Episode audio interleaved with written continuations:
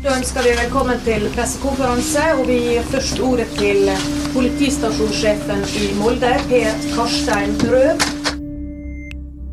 etterforska to alvorlige hendelser i, i Molde. To hendelser som skjedde natt til i dag, onsdag eh, 24.11. Den ene hendelsen skjedde i eh, privatbolig på Fugelset, hvor en gutt i slutten av tenåra er alvorlig skada. En person ble pågrepet på stedet og er sikta for grov voldsutøvelse mot den gutten i slutten av tenåra. Eh, Den andre hendelsen eh, er melding om at eh, en person ble funnet i en annen bopel en annet sted i byen. Vi har ikke sikker identifikasjon på vedkommende. Det er grunn til å tro at det er ei kvinne som bodde i den leiligheten, som leide leiligheten, eh, som nå er funnet død.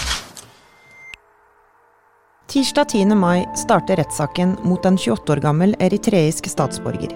Etter en av de mest omfattende etterforskningene politiet har hatt i Møre og Romsdal. Han er tiltalt for voldtekt og drap på sin ektefelle Helen Luel Asefav, også fra Eritrea, og to drapsforsøk. De dramatiske hendelsene novembernatta i fjor har fått store konsekvenser for mange. Et lite barn er frarøvet både sin mor, som er drept, og sin far, som er fengslet.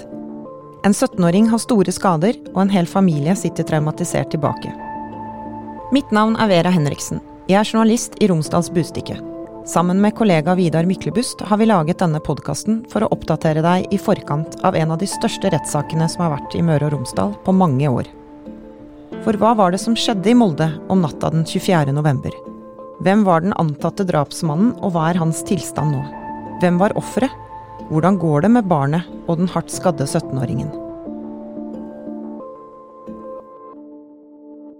Politiet setter inn store ressurser i etterforskningen. Vi fortsetter rundspørring. Vi fortsetter også åstedsundersøkelsene, der vi får teknisk bistand fra Kripos i morgen. Det vil også bli foretatt til, tilrettelagte avhør snarest mulig, og så vil da siktede bli framstilt for fengsling etter planen i morgen. Det har vært 40 etterforskere på saken, i tillegg til eksperter fra Kripos. 110 avhør er gjennomført. En stor utfordring har vært en enorm mengde digital kommunikasjon på et ukjent språk. Det har gått med mye tid og ressurser både i avhør og i etterforskningen på å tolke. Den tiltalte gir heller ikke noen forklaring som hjelper politiet i etterforskningen. Politiet forteller at det har stilt enda større krav til å undersøke alternative hypoteser og mulige forklaringer. Før rettssaken er de tilbakeholdne med informasjon. Det forteller politiinspektør Anders Skorpen Trøen. Nå er det sånn at politiet ikke ønsker og ikke kan gi konkrete opplysninger øh, om saken eller om vurderinger i saken, for, fordi det er en sak som skal behandles av retten. I april blir tiltalen klar. 28-åringen ble først siktet for drap og grov kroppsskade. Men det viser seg nå at forbrytelsen er enda mer alvorlig enn først antatt. Ifølge tiltalen skal han ha voldtatt og drept den 24 år gamle Helen på det første åstedet, og etterpå begått to drapsforsøk på det andre. Alt skal han ha gjennomført i løpet av rundt 15 minutter, fra ca. klokka halv to til kvart på to om natta. Jeg og min kollega Vidar bestemmer oss for å ta turen ut til de to åstedene i Molde sentrum. Nå sitter vi i bilen utenfor det første åstedet. Eh, Vi er i et stille og rolig boligstrøk på Fuglset. Her er det store eneboliger og hager. Grønne plener og fine bed. Og vi vet jo at eh, naboene våkna opp til eh, ja, svært uvanlige scener eh, denne onsdagsmorgenen i november. Det var sperrebånd, det var politi og etterforskere, og ikke minst en haug med journalister fra både lokale og nasjonale medier.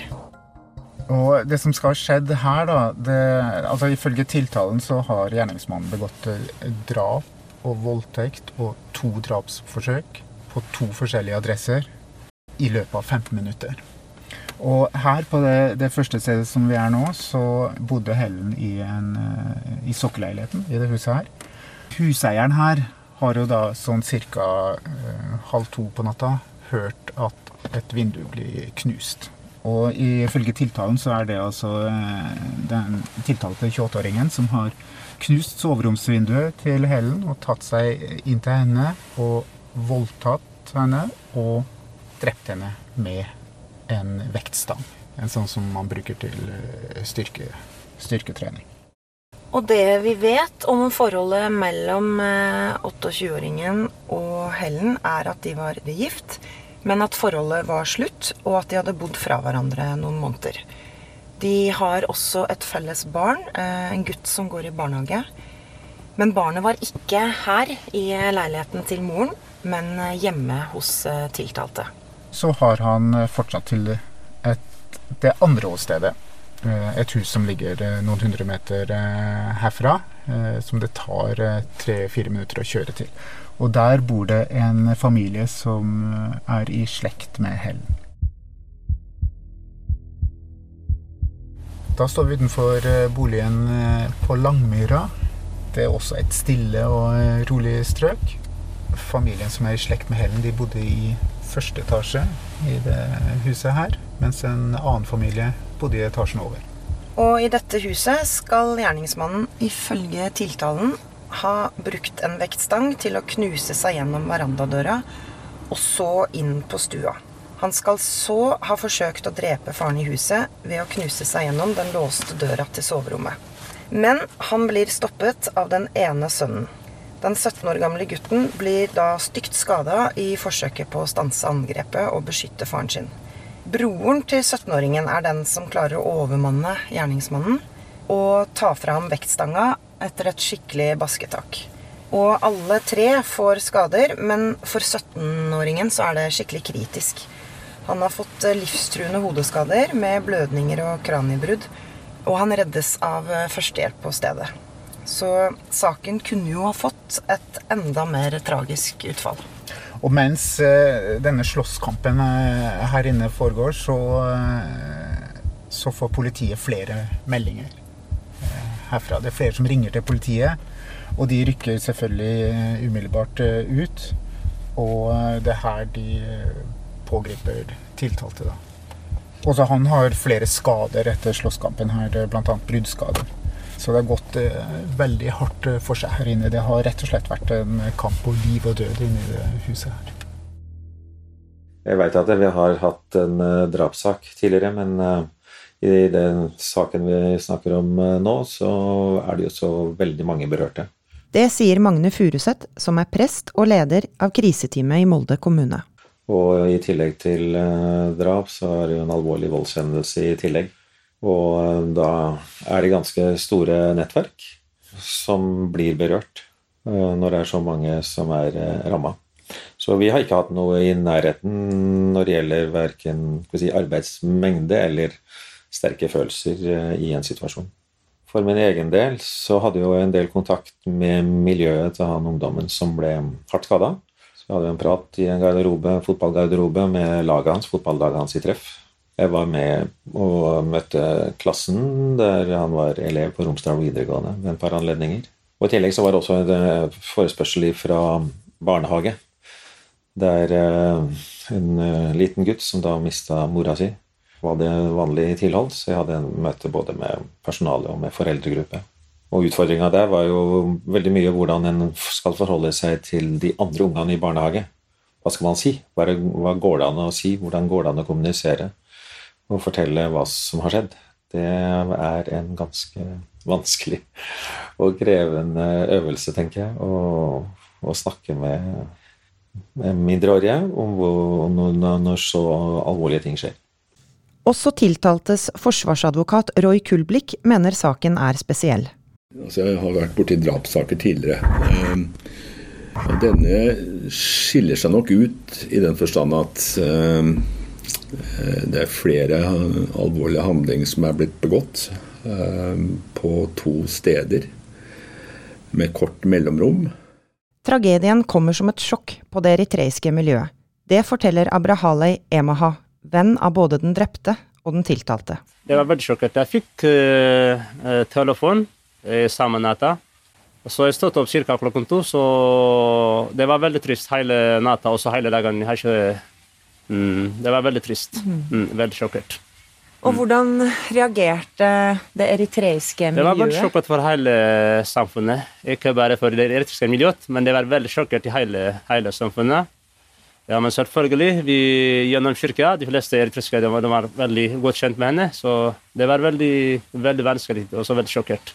Var dere engstelige for at eh, det som skjedde, skulle føre til stigmatisering av eritreere? Nei, jeg har ikke bekymring for det. Fordi eh, ja, slike situasjoner og hendelser det skjer i hele verden og i andre byer. Så jeg har ikke frykt for det.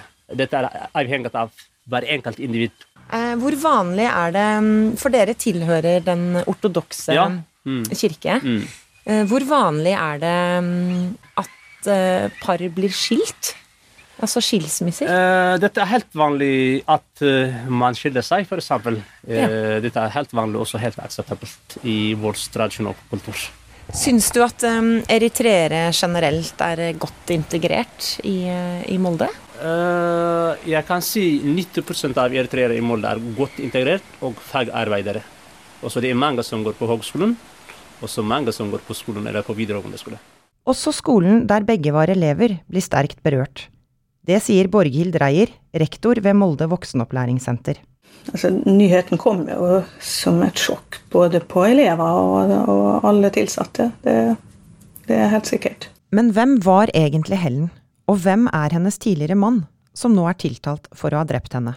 Så vidt jeg husker nå, så kom de hit i 2017. Etter en flukt fra Eritrea gjennom eh, Sahara opp til Libya, så vidt jeg vet. Og med båt over til eh, Europa. Italia. Eh, Så kom de vel hit som kvoteflyktninger, hvis jeg, hvis jeg har forstått det riktig. Og da kom han sammen med avdøde, sin avdøde kone Helen. Og vel et år etterpå så ble jo sønnen født. Hans bakgrunn er Det er litt uklart, men bl.a. dette vi skal få belyst via hans søster da, som vitne.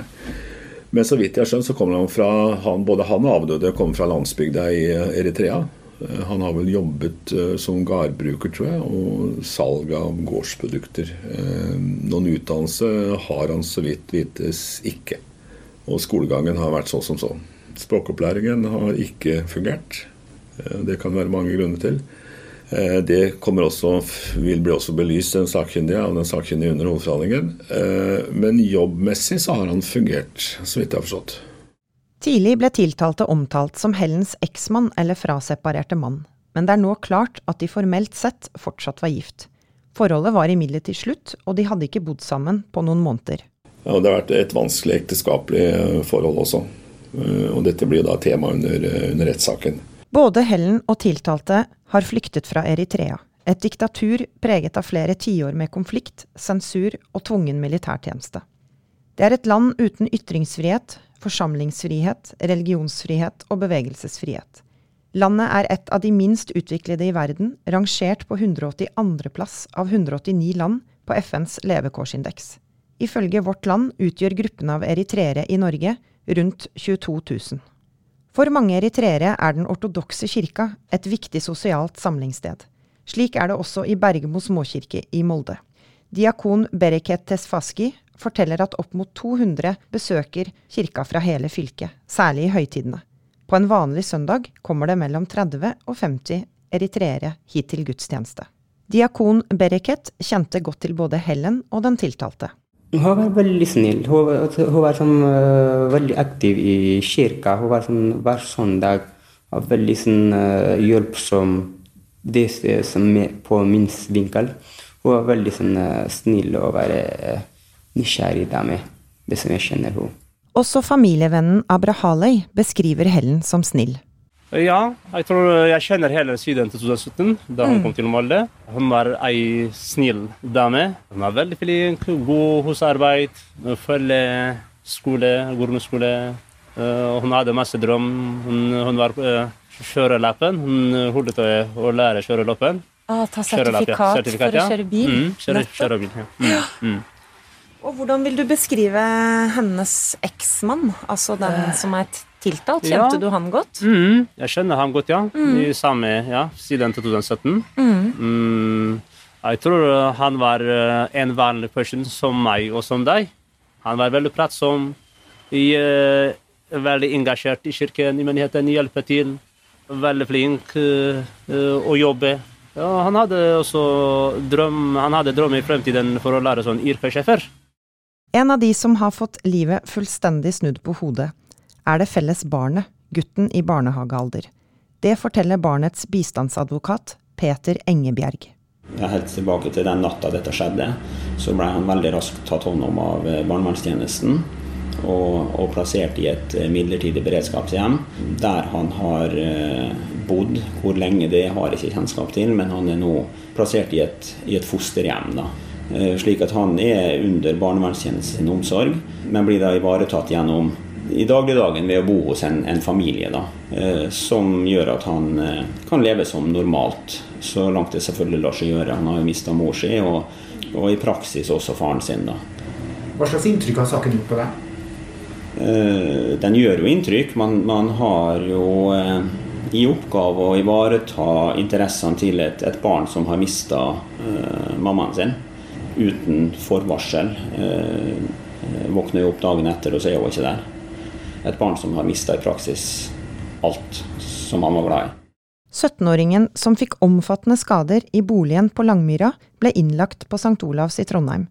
Bistandsadvokat Astrid Bolstad forteller at situasjonen fortsatt er vanskelig. Situasjonen for han er jo at han er hjemme igjen. Han er skrevet ut fra sykehus. Eh, han har begynt på skolen igjen. Men klart at han har jo blitt utsatt for omfattende skader, så, så det vil ta tid før han er tilbake igjen der han var før. Hva husker han av, av det som skjedde den natta? Han husker ingenting av det som skjedde. Så han kan ikke si noen ting om det. Situasjonen for, eh, for familien eh, nå, eh, et, etter den veldig alvorlige hendelsen de har vært utsatt for? Ja, det jo, har jo hatt dramatiske konsekvenser for dem. De har jo fått hjemmet sitt gjort om til et åsted. Og de har jo blitt utsatt for et traume, alle sammen. Eh, så, så det, den har fått store konsekvenser for dem. I desember ble det holdt minnestund for Helen, både på voksenopplæringen og i Bergmo småkirke. I kirka deltok rundt 100 personer. Ja, det var, var jo ganske lenge etterpå at uh, drapet skjedde. Så uh, var det sterkt ønske om å få um, kista med den avdøde til hjemlandet foreldre som eh, bor der eh, fortsatt.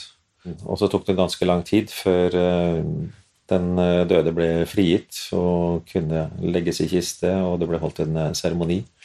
Så jeg var til stede i Bergmokirka en tidlig morgen, for kista skulle da fraktes med fly fra Vigra. Så det var satt et klokkeslett da det måtte være der for å få til den frakta.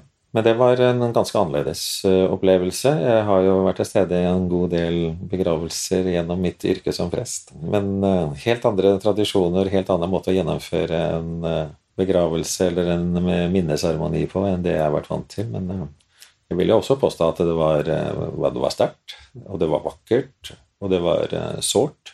Mye gråt, og naturlig nok det. Men uh, ganske annerledes tradisjoner. Altså, jeg kan jo ikke språket, uh, annet enn at jeg kjente vel kanskje igjen noen få ord som vel er litt universelle i kirkespråk. Men jeg skjønte ikke så veldig mye av det som ble sagt. Men det var tydelig at her var det et, en, en, sterk og god skal vi si, liturgi eller tradisjon som de gikk inn i når de skulle ta avskjed. Vennen Abrahalei forteller at foreldrene til Helen i Eritrea er sterkt preget av tapet av datteren. Ja, jeg har blitt kontaktet med foreldrene hennes etter at uh, Helen politiet har bekreftet at Helen var død. Ja, så det var veldig forferdelig tungt for foreldre. Det er fortsatt forferdelig tungt for foreldre. Jeg har fortsatt kontakt med dem. Så de ringer, de ringer oss hver, hver, hver uke, en, minst hver en gang i uka. Så det er veldig, for, veldig, veldig tungt for å akseptere for foreldre. Har hun stor familie og flere slektninger i Eritrea? Altså, jeg vet ikke helt hvor mange hvor stor familie hun har, men hun har eh, foreldre og søsken sikkert. Så forsto jeg det sånn at det var foreldrenes ønske at eh, kisten skulle komme tilbake til ja, Eritrea? Ja, da vi hadde kontakt med foreldre, så de krevde at eh, kisten skal sendes til Eritrea. Så den eritreiske videoen i hele Norge, ikke bare i Molde, og ikke i menigheten. Hele, den, hele, I hele Norge. Den eritreere som bor i hele Norge, har samla penger til å sende kisten til Eritrea. Hvor mye klarte dere å samle inn? Ja, Vi har betalt ca. 90 000 kroner til å sende kisten til Eritrea. Ah, så nå er hun begravet? Hun er begravet i fødestedet. I fødestedet, I fødestedet mm, der hun kom mm, fra. Mm.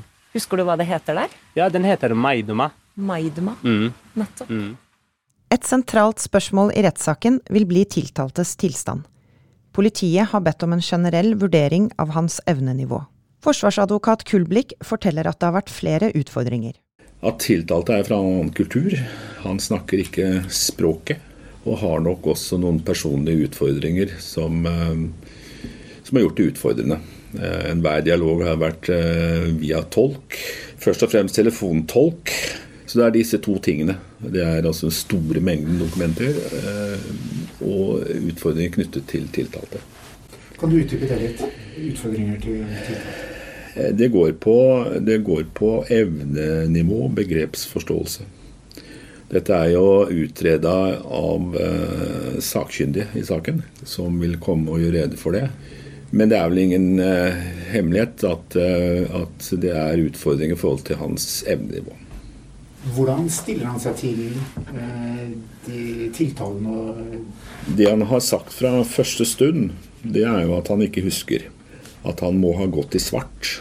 Det er en oppfatning han i hvert fall så langt har holdt fast ved. Jeg har jo ingen grunn til å betvile det, men han holder fast ved det. Han er eh, konfrontert selvfølgelig med bevis i saken, og ga uttrykk for sjokk og vantro over det som har skjedd. Det han sier, det er at han ikke husker noe uh, før han våknet til på sykehuset. Han er uh, veldig lei seg. Uh, han har grått når han blitt foreholdt tiltalen og bevisene i saken, som er nokså voldsomme. Det er jo bilder f.eks. som er ja, ikke, ikke spesielt hyggelig å se på. Så det har vært en vanskelig, vanskelig, situasjon for han, og jeg oppfatter det sånn at han har det veldig vanskelig nå. Var han ruset på noe vis?